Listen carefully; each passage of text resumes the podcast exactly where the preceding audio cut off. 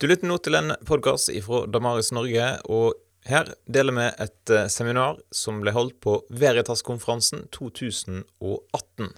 Thank you very much. Thank you for this uh, talk based on material I've been working up for I should uh, hopefully have coming out in the next year. It's still in the copy editing process with the publishers. It's called Getting at Jesus. Um, and we're going to look at uh, Neo or the New Atheism and the Jesus of history. If you haven't had one of my giant postcard sized business cards yet, uh, pester the person next to you until you get one because they're floating around. So, the new atheism uh, are a bunch of atheists who came to prominence uh, after the 2001 uh, Islamist uh, terrorist attacks in America, uh, particularly. An American writer called Sam Harris published a book called uh, The End of Faith on religion, terror, and the future of reason. And this uh, started off a publishing trend of uh, atheist books by folks like uh, Richard Dawkins, uh, Christopher Hitchens, uh, Daniel Dennett, Jerry Coyne, and so on. It was an article in Wired magazine that dubbed them the New Atheism, or the New Atheists, and the name stuck, and they adopted it for themselves. Uh, that article in Wired magazine described the new atheists as atheists who condemn not just belief in God, but respect for belief in God.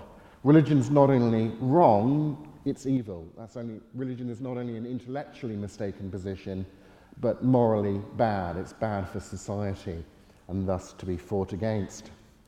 So you could, uh, in simplistic terms, think of the new atheism as the combination of scientism, the idea that we only know things through the scientific methods, that's how we know things, uh, materialism, that's what things are, the idea that there only are material things, the natural world is all that there is, plus a moral opposition uh, to religion as bad for people and society. When it comes to the historical Jesus, new atheists are very skeptical. Richard Dawkins, uh, in his book The God Delusion, uh, bestseller, uh, says this kind of thing.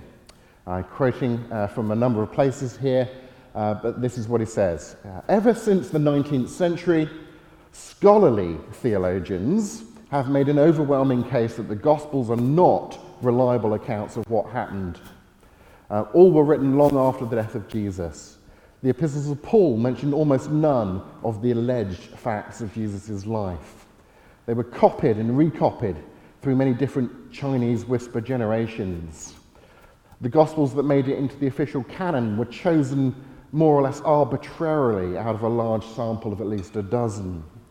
Um, reputable Bible scholars do not, in general, regard the New Testament as reliable records of what actually happened. The only difference between the Da Vinci Code, uh, the conspiracy novel by Dan Brown, and the Gospels is that the Gospels are ancient fiction, while the Da Vinci Code is modern fiction. Now, Dawkins is wrong about all of that, uh, but I don't have time to show you why. You'll have to go buy the book.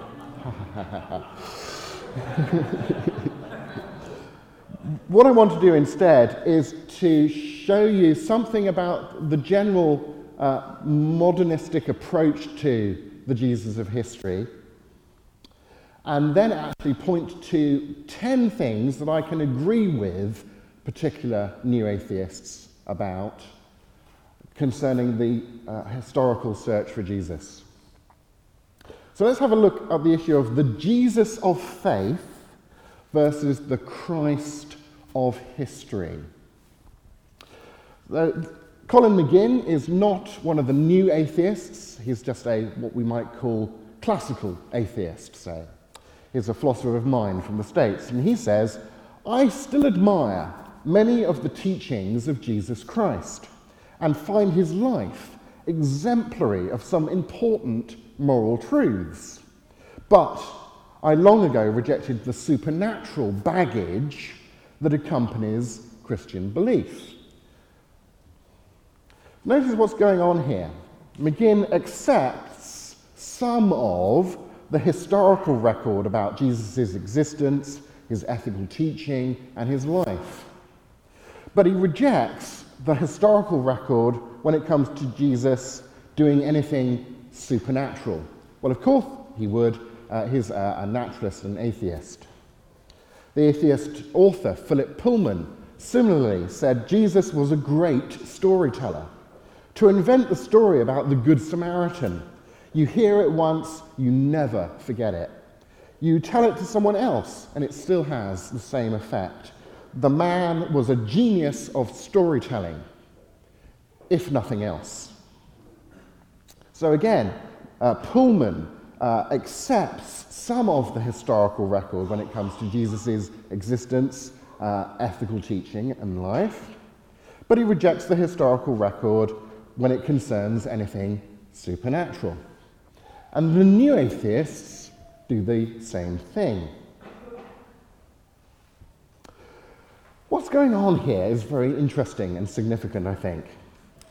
The Good Samaritan parable that Pullman talks about, it appears in the second-hand report of one gospel, Gospel of Luke, that was written at, the earliest about 30 years after the supposed event of Jesus telling that story.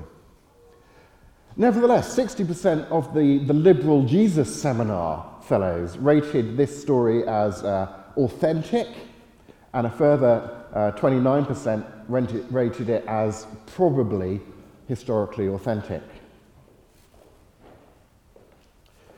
Here's a chart of miracles Jesus is said to have done that appear in more than one gospel more than one source. And this is particularly significant when that uh, more than one source includes the Gospel of John, uh, which is, uh, in literary terms, independent of the three synoptic Gospels. Historians would normally count that as an independent witness.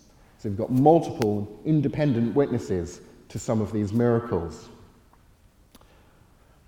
The outline of Jesus' death and resurrection can be established from the multiple independent early historical testimonies of the, the early creed in 1 Corinthians 15 that Paul quotes, the pre Markan passion narrative that's included in Mark 15 to 16, Peter's Pentecost sermon recorded in Acts 2, and an early sermon by Paul recorded in Acts 13. About speeches in Acts, the New Testament theologian uh, James Dunn comments that Luke has sought out much earlier material and has incorporated it into the, these brief, formalized expositions that he attributes to Peter and Stephen and Paul and so on. Uh, the notoriously skeptical scholar Bart Ehrman concurs. He says the speeches in Acts are particularly notable because they are in many instances based on oral traditions. They incorporate materials from the traditions about Jesus that existed long before Luke put pen to papyrus. So this, this information predates Luke writing. Or again, there's a, a chart here of uh, those four sources and the way that they were generally dated by scholars. Uh, Peter's Pentecost sermon from AD 33, 1 Corinthians 15, a creed going back to AD 33 to 36 ish, the pre Markan Passion narrative in Mark, going back to about AD 37 maybe, and Paul's sermon in Antioch uh, from uh, AD 45. Four independent early testimonies that together outline the basics of Jesus' death, burial, raised, appeared. We've got multiple first century sources for the resurrection appearances of Christ. Again, uh, a bit of a tabulation here of places, the witnesses, uh, the type of interaction that people said they had with the resurrected Jesus, and uh, multiple biblical references for those appearances. In particular, we've got multiple independent sources for at least two individual appearances and three group appearances or experiences of an apparently resurrected Jesus. So, some of the supernatural baggage, to quote McGinn, is supported by a lot more evidence, historically speaking, than some of the ethical teaching that it's accepted by atheists like McGinn and Pullman. That's interesting, isn't it? What's going on? Well, here's New Testament scholar Helen Bond. She says that modern academic study of the historical Jesus only really began in the wake of the 18th century Enlightenment, with its rejection of a God who intervenes in history in supernatural ways. The emergence of historical criticism in the 19th century allowed distinctions to be made between the Christ of faith and the Jesus of history. Distinctions that have underpinned the quest for the historical Jesus ever since. Remember Richard Dawkins at the beginning of that uh, conglomeration of quotations that I read out saying, ever since the 19th century, and then a whole load of skeptical things. That's what he's referring to, what Bond's talking about. That rejection of a God who does supernatural things within the world. Now, of course, the Enlightenment was not the monolithic anti God movement that Bond portrays it as being. Many of the leading lights of the Enlightenment were Christians or at least theists. But here's the key point the rejection of a God who intervenes in history in supernatural ways does not, does not allow the distinction between the Christ of faith and the Jesus of history. It requires, it demands that distinction, and it does so regardless of the evidence. The modern academic study of the historical Jesus described by Bond is, in that sense, the, the search for a Jesus consistent with a materialist, metaphysically naturalistic atheistic worldview. This means that the Jesus happily acknowledged by many atheists and agnostics is a Jesus of faith uh, in the mis uh, characterization of that term as the new atheists use it to mean uh, uh a blind faith, a faith regardless of evidence an understanding of Jesus shaped by a faith, a commitment to, a belief in naturalism, materialism. Rather than being a Jesus of history, in the sense of an understanding of Jesus produced by following the historical evidence wherever it leads. So here's French neo atheist Michel Onfray asserting that we should approach any purportedly holy book from a standpoint hostile to belief in revelation. And he just assumes that the answer to his rhetorical question, well, who would have done the revealing, is nobody. But in that case, one better not approach the New Testament demanding evidence for its revelatory status. Doing that would involve a question begging double standard. As uh, Moreland and Craig point out in their book, Philosophical Foundations for a Christian Worldview, it's really only to the extent that one has good grounds for believing atheism to be true that you can be rationally justified in, demand, in denying the possibility of miracles. Because if God exists, then miracles are possible. Um, so if it's even possible that God exists, it's possible that miracles happen and you can't foreclose the issue without actually going and looking at the evidence to see if there's enough evidence to convince you that a miracle's happened. But that, time and time again, is what the new atheists really do. So here's Daniel Dennett saying, in the end, there is no true religion in the factual sense, for there is no good evidence supporting their truth claims. Now, it's tempting to take this as a demand or a request for evidence to support belief. He's saying, uh, give me the evidence. But Dennett also says that historical arguments simply cannot be introduced into the serious investigation of God or gods since they're manifestly question begging. No, actually, it's Dennett who is begging the question here. He's begging the question against revelation and evidence for revelation by invoking what he calls the scientific method with its assumption of no miracles. So, what he basically says is, Show me the evidence, and by the way, I'm not allowed to look at any evidence. Dawkins criticizes religious faith as requiring blind trust in the absence of evidence, given even in the teeth of evidence. I, it seems like he's saying the problem here is a lack of evidence for miracles. Please show me the evidence.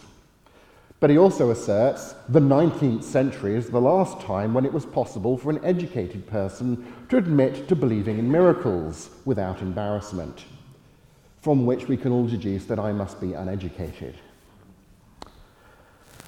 In other words, he's saying, I won't believe evidence for miracles, and you shouldn't too. That's far too embarrassing. Let me put some peer pressure on you to steer clear of this issue. This is a double standard. Christopher Hitchens said he thought that David Hume, the Scottish skeptical philosopher in the 18th century, wrote the last word on the subject of miracles. He clearly hasn't read any philosophy of religion published since the 18th century, if he thinks that.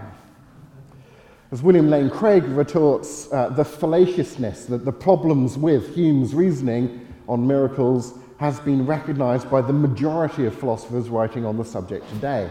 And that's not just Christian philosophers, that's philosophers writing on the topic today, which includes, of course, many atheists and agnostics.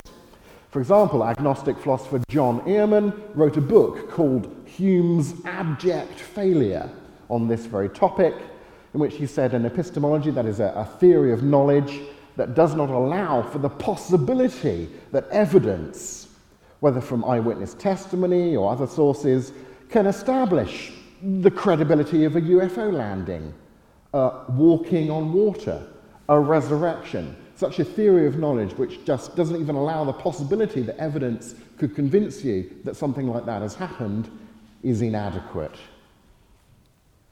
So, neo atheists often attack Christianity by wielding these very scientific sounding demands for evidence on the false assumption that Christians have no evidence, whilst actually rejecting miracles on philosophical a priori, that is, before experience of evidence grounds. This is a massive double standard. The so called Jesus of history is actually a Jesus of faith in various a priori philosophical constraints upon doing history. So, actually, I think there is no good reason why the so called Christ of faith shouldn't also be the Christ of history if the evidence supports that conclusion. So there's a bit of criticism of their basic approach. We haven't got time to go into replies to a lot of the particular uh, criticisms that different neo atheists have about the Gospels and when they were written, who wrote them, and all of that stuff. You'll have to dive into uh, my book or some of the free materials that you'll get through my uh, website at peterswilliams.com. Uh, um, but let me now turn uh, to what I do in the conclusion of my book, Getting at Jesus, and look at 10 points of agreement. 10 places where I can say, yes, I agree with this new atheist on this point. I think you'll find this fascinating. First agreement a genuine search for truth must be open to the facts, open to the evidence. Dawkins says there is objective truth out there. He's no postmodernist. And it is our business to find it. Christopher Hitchens says objectivity means the search for truth, no matter what. Don't give in to peer pressure to avoid the search for truth. Amen. Preach it, brother. Sam Harris. Sam Harris says nothing is more sacred than the facts. No one, therefore, should win any points in our discourse for deluding himself. The litmus test for reasonableness should be obvious. Anyone who wants to know how the world is, whether in physical or spiritual terms, will be open, open to new evidence. Yes. Two, miracles are possible and even knowable. Lawrence M. Krauss, uh, a new atheist physicist, admits that miracles can't be ruled out a priori unless one first rules out the possibility that God exists. It's not enough to say, I think it's very unlikely that God exists, but I can't prove that he doesn't, which is exactly what Richard Dawkins says about God. You have to think, it's definite, there's no God. He says, a God who can create the laws of nature, as there would be if there was a creator God, can presumably also circumvent them at will. Um, I could quibble with his definition of a miracle here, but uh, you get the, the general point. Whilst neo atheists tend to, to bow down to genuflect before David Hume's long discredited argument about miracles, uh, Jerry Coyne, a new atheist biologist, admits Hume took it too far. No amount of evidence, it seems, could ever override his conviction that miracles were really the result of fraud, ignorance, misrepresentation, and so on. Yet perhaps there are some events where a miracle is more likely than human error or deception. He's basically saying the same criticism that John Earman gave. Coyne recommends approaching the question of miracles with an open mind. Who'd have thought it?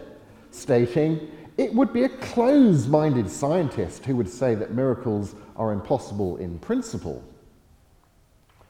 Three, Christianity makes truth claims that are open to historical investigation.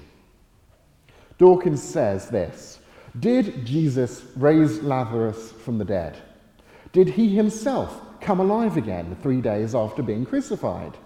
There is an answer to every such question, whether we can discover it in practice or not.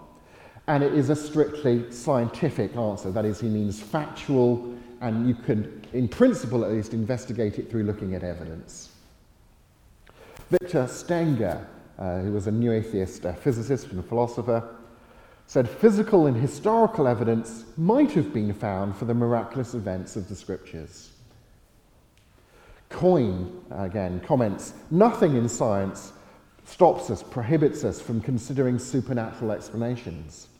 If something is supposed to exist in a way that has tangible effects on the universe, it falls within the ambit of science, or you might say at least those effects do, and then perhaps it's then a philosophical argument to say what's the best explanation for that event, but that's a quibble. Uh, and supernatural beings and phenomenon can have real world effects. So he's saying we can investigate miracle claims. Four, there was a historical Jesus, and many new atheists uh, try and give the impression that there's at least a decent case that there wasn't, but then begrudgingly admit that there was. So Dawkins acknowledged Jesus existed. Harris writes of Jesus, the Buddha, Lao Tse, and the other saints and sages of history. Krauss admits that Jesus was a real historical person, and he says, if you asked me, is the weight of historical evidence such that Jesus was a real historical figure? I'd say the weight of historical evidence is that Jesus was a real historical figure. I do not dispute that the weight of historical evidence suggests that he was a real person. As Bart Ehrman comments, whether we like it or not, Jesus certainly existed. Uh, Ehrman wrote a whole book on this topic because although he's a very skeptical New Testament scholar, he was getting fed up to the back teeth with the kind of neo atheist, yeah, there was probably no Jesus, there's no good evidence for it kind of line, because he thought uh, it's just mistreating history, and it is. So Bart Ehrman says, We have more evidence for Jesus than we have for almost anybody from his time period. Five, the historical Jesus has not been obscured by pagan mythology. You get this idea put forward by many new atheists that, okay, there was the historical Jesus, and he had his Jewish followers, and they thought of him as the Messiah and maybe a prophet and all of that. Uh, and then he got crucified, and then for some reason they came up with this belief that he'd been resurrected and they had delusions or something. There's a whole other argument. Uh, and then belief in Jesus spread out into the, the classical pagan world of the Greeks and the Romans with their background of gods and Zeus coming down in a shower of coins to have his way with a lady that he liked and to produce a demigod who was, you know, half god and half human, like Hercules or whatever. And uh, against that background, they, people started coming up with the idea that, this, that Jesus was, was sort of divine and, and gradually, gradually elevated him over a long period of time until it, sometime in the second century, maybe, people first started thinking of Jesus as divine. That's a load of baloney. I don't have time to give you all of the evidence as to why that is, uh, but I can at least show you that not all of the neo atheists buy into this theory. So here's Lawrence Krauss again, uh, who, uh, in uh, a series of debates with William Lane Craig, actually, first of all started off putting forward this skeptical line of, oh, Jesus is just another pagan corn god who dies and rises again with the cycle of the seasons and so on uh, but then was eventually forced to conclude uh, and to admit. Uh, one may argue that these connections that he'd been talking about between Jesus and pagan mythology are spurious, and I'm willing to accept that. Six, the New Testament writers wrote what they honestly believed to be the truth about Jesus. They may have been mistaken, but they were not lying. They were not producing works of fiction, as Dawkins says according to Michel Onfray, anyway, he says Mark, Matthew, Luke, and John did not knowingly deceive, neither did Paul. They said what they believed was true and believed what they said was true. Clearly, they believed what they wrote. Seven, Jesus did think he was divine. Hitchens acknowledged that Jesus reportedly believed himself, at least some of the time, to be God or the Son of God. Krauss states that Jesus had delusions of being God. He sort of was deluded about it, but he did think it. This, of course, brings up the issue of C.S. Lewis's famous formulation of the uh, traditional argument uh, was Jesus divine as well as human as he claimed? Uh, or was he a bad man? Bad either uh, morally, because he's lying about it, or bad intellectually, because he's mistaken about a fundamental el- element of his character. And you get the, uh, the diagram here of the lunatic liar lord. You get that nice alliteration in English, at least, anyway. Uh, and C.S. Lewis's uh, particularly famous quote from Mere Christianity, where he says, uh, you know, a man who was merely a man and said the sort of things that Jesus said would not be a great moral teacher uh, like McGinn and, and Pullman think, uh, because of this claim to be divine, if he wasn't divine, he'd either be a conman and a liar and a blasphemer, or he'd be a, a, a lunatic uh, with a really big divergence between his self image and his reality. But eight, Jesus wasn't a lunatic or a liar, at least according to some new atheists. Harris records realizing that Jesus, the Buddha, Lao Tzu, and the other saints and sages of history had not all been epileptics, schizophrenics, or frauds. Harris bears witness to Jesus' goodness and wisdom by grouping him together with the other saints and sages of history. And moreover, he repudiates any dismissal of those saints and sages, including Jesus, as epileptics, schizophrenics, or frauds, which I think we can take as indicating a more uh, general dismissal of the idea that they're, they're mad or bad. On the one hand, Richard Dawkins admits there is no evidence Jesus himself was barking mad.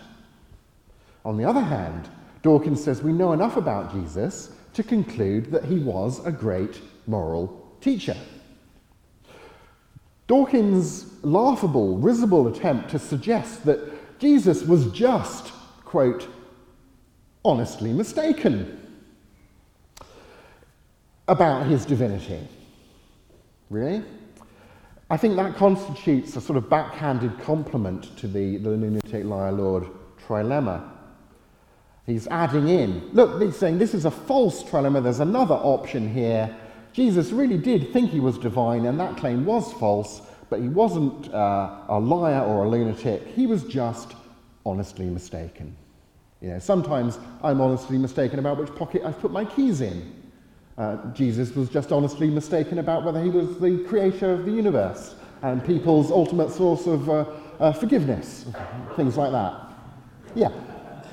Every audience that I've uh, communicated this information to always have the same reaction as you just did.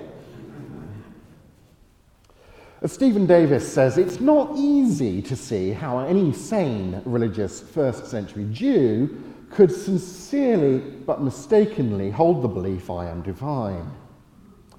I love the way that the uh, British uh, vicar Nicky Gumbel, uh, who produced the Alpha Course, if you've heard of that, uh, puts it here, where he says uh, the irony of Dawkins' book, The God Delusion, is that Dawkins says that all Christians are deluded because they believe that there is a God.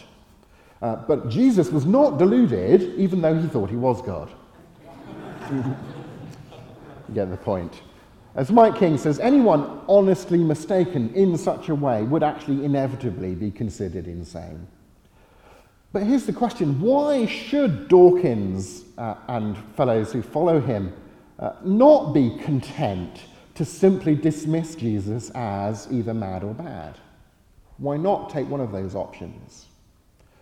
Why go to the desperate lengths of inventing this even worse than that, uh, even more ludicrous than that option? Well, quite clearly, it's because even a, a, a simple flick through Jesus' life demonstrates that both of those possibilities are untenable. Ninth, Jesus was executed by crucifixion. Jerry Coyne states Jesus was crucified ending everyone's hope of glory. As Charles Foster puts it, the overwhelming conclusion of the mainstream literature, even that written by virulent opponents of Christianity, is that Jesus did indeed die on the cross. Various atheist uh, New Testament scholars have, have said this is perhaps the most historically secure thing that we can know about Jesus, uh, is his crucifixion, because there are so many uh, independent Christian and non Christian sources talking about it, for example. When think of the fact that Paul, writing in uh, his letter to the Galatians prior to uh, 50 AD, uh, given that the crucifixion was in 33 AD, this is about 16 years post crucifixion. And Paul writes about Christians being crucified with Christ. Crucifixion is also very embarrassing. As Bart Ehrman says, it's highly improbable that the earliest Palestinian Jewish followers of Jesus would have made up the claim that the Messiah was crucified. And I've, I've got here, I don't know if you can see it very clearly in the picture, it's a bit of graffiti, dates to about 200 AD. Uh, found in Rome, scratched into a wall. There's a donkey headed figure of a man on a cross, and a man looking up with an outstretched uh, hand raised, looking up at this donkey headed figure on the cross. And the, the writing translates as Alexamenos worships his God, or Alexamenos, worship your God. Someone is making fun of the fact that Alexamenos worships this crucified dude as God. I mean, who's making the biggest ass of himself? The guy who gets crucified Oh, the, the guy, he's worshipping. It's, it's so, oh dear. Oh, he's worshipping a crucified guy. I mean, how stupid can you be? You see the cultural attitude that would dominate in the ancient world. Why on earth would they make up a story in which the Saviour uh, and Messiah was crucified? Tenth, some people believed they met Jesus after his death. Krauss allows, in fact, the fact that people may have seen Jesus walking after his death. If they did, if they report that, I'm willing to accept their belief that they did. And that's right, I mean, that's a nuanced you know, expression, and they do, do report that in multiple independent sources and so on, as we've seen. Um, so you'd have to accept that people believed that they saw Jesus. The question is, did they really see a resurrected Jesus, or were they deluded in some way? Was it a hallucination, uh, for example? Um, those are uh, issues that, again, I don't have time to go into, which I go into in my book and which you can go into in many other uh, sources, of course. Jonathan Kendall writes that numerous individuals, including Jesus' closest disciples, had experiences subsequent to the crucifixion that led them to conclude that Jesus had been resurrected from the dead is a fact accepted by essentially all New Testament scholars, even those who are most skeptical of Christianity and the resurrection itself. So let's reiterate uh, this list of 10 points of agreement by uh, not quote mining in the technical sense, but by quoting what particular new atheists think, uh, and you put together a list of things that actually seems quite counter to the general drift of the general skepticism of the new atheism, which I described in the first part of the talk. So here are 10 points of agreement with particular neo atheists. A genuine search for truth must be open to the facts. And miracles are possible and it's even possible to know, maybe, that a miracle has happened. And Christianity makes at least some truth claims that are open to historical investigation. And there was a historical Jesus, and that historical Jesus has not been obscured by pagan mythology. The New Testament writers, who are writing in a Jewish first century context, wrote what they honestly believed to be the truth about Jesus. And Jesus did think that he was divine uh, in the sense appropriate to that first century Jewish context, of course. And although he thought he was divine, Jesus wasn't a lunatic or a liar. And he was executed by crucifixion. But some people believed that they met Jesus alive after his death, or came to believe that Jesus was alive after his death. As the Jewish New Testament scholar Geza Vermes writes in his book, The Resurrection, uh, the idea of the resurrection of the dead was a latecomer in Jewish thought. And it occupied only a small area of the religious canvas of the late Second Temple Judaism, Judaism at the time of Christ. The New Testament completely altered the vista, changed the perspective. In it, the individual resurrection of one Jew, Jesus of Nazareth, predominates. And it's set in time and space and integrated into history. The situation is profoundly perplexing and the historian must come to grips with this puzzle. And in the last chapter of Vermes's book, he looks at a number of alternative explanations to the Christian explanation of what happens and dismisses all of them as implausible and ends up saying, I don't know. I just don't know what happened. So, despite the dogmatic skepticism about Jesus that characterizes the new atheism as a whole, individual neo atheists admit points of historical method and historical reality that, when taken together, seem to me to jointly constitute basically the core elements in the case for thinking that the historical Jesus is the figure that Christianity has always taken him to be. Think these neo atheist concessions to reality uh, should at least, should at least encourage us to agree with Professor I. Howard Marshall, who said this The historian must be open to the significance of Jesus which is suggested to him by the evidence. And that significance may be expressed in terms of the supernatural, without the historian feeling that he has sacrificed his intellect. Thank you.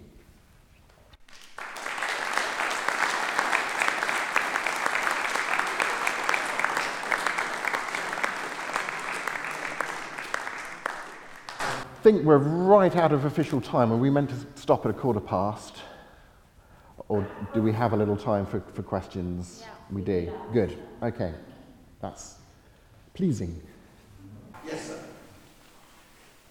How do you argue for the deity of Jesus? So how do I wrestle with, with um, trying to establish, historically speaking, uh, or through historical methods, that Jesus was God? Um, complicated question. I will try and, and, give some indications of where I'd, where I'd start.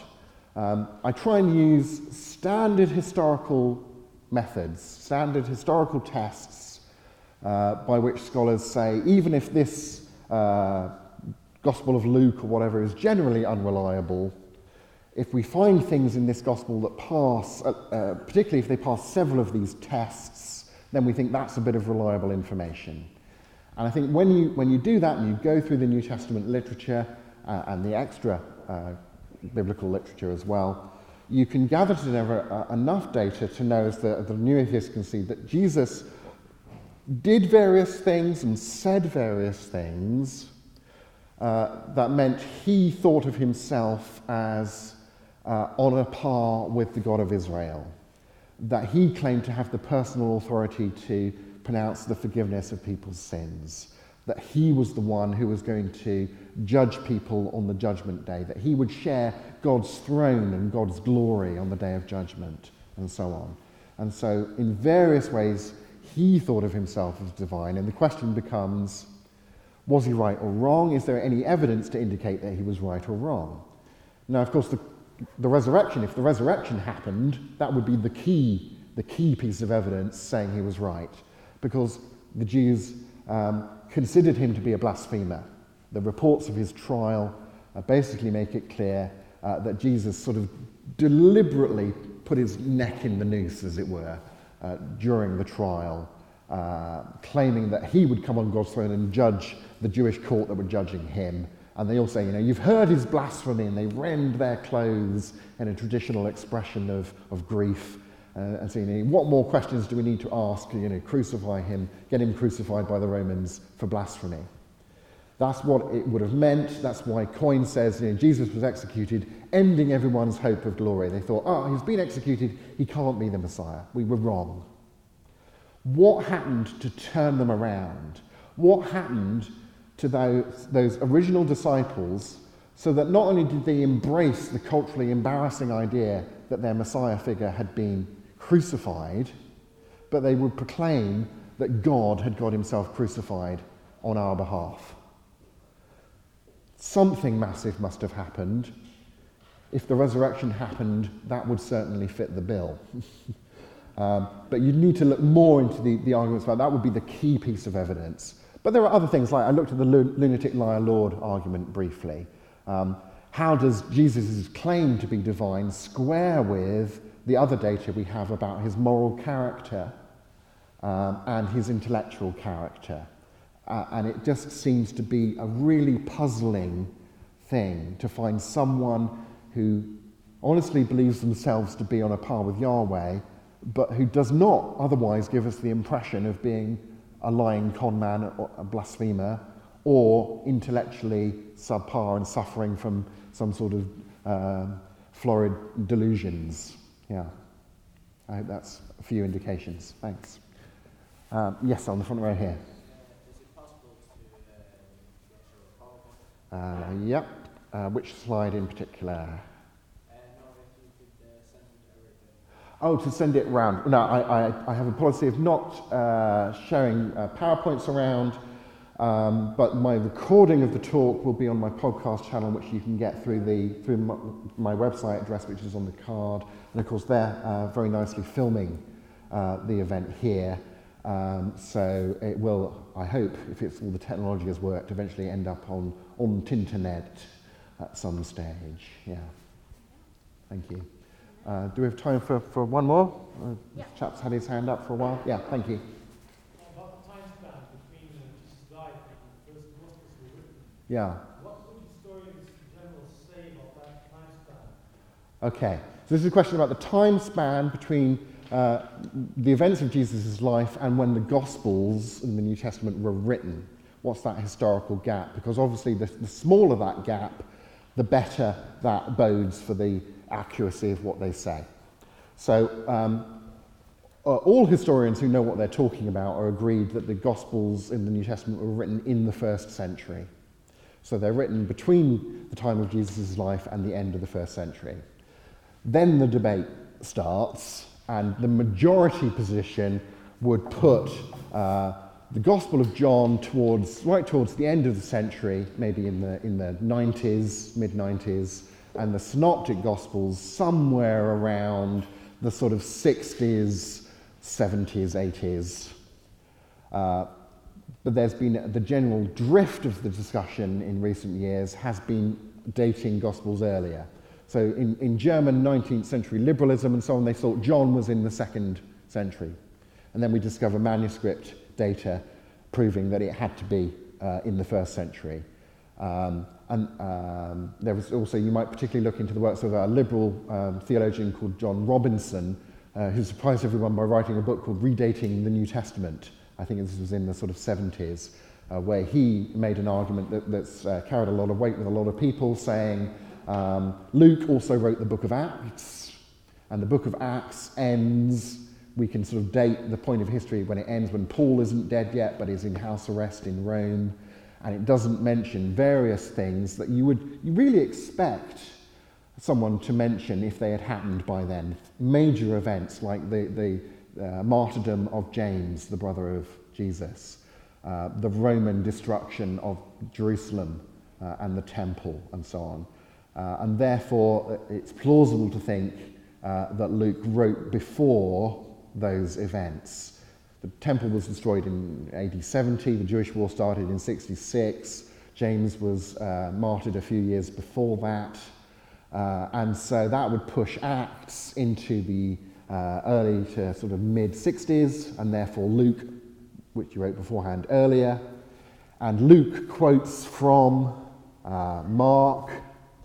So Mark must have been written uh, before Luke, and maybe Matthew somewhere in the middle there or around the same time as Luke. Uh, so myself, uh, the, the datings I would argue for uh, would put uh, the publication of the final version of the Gospel of Mark in, say, AD 49. I have a suspicion that it may have been what caused the rioting of the Jews in Rome, which got all the Jews kicked out of Rome. And of course, at that time, uh, no one would have made a distinction between Jews who thought Jesus was the Messiah and called themselves followers of the way, and didn't call themselves Christians yet, and Jews who disagreed with that. And the publication of something like Mark's Gospel in, in Rome, uh, we know that Mark worked as uh, Peter's uh, sort of secretary and, and so on, uh, would certainly have been a sufficient historical cause for that. So um, those are some of the, the arguments, and indeed uh, various atheist New Testament scholars of late uh, like, um, uh, I don't know if the name's going to roll off the tip of my tongue, I think James Crossley, have been arguing that the book of uh, Gospel of Mark may have been written uh, sometime in the 40s. Um, so I'm, I'm by no means uh, pushing a sort of uh, extreme conservative evangelical fundamentalist dating uh, when I suggest Mark may have been written at the end of the 40s. Yeah. Thank you. Thank you very much for your questions and attendance. Thanks.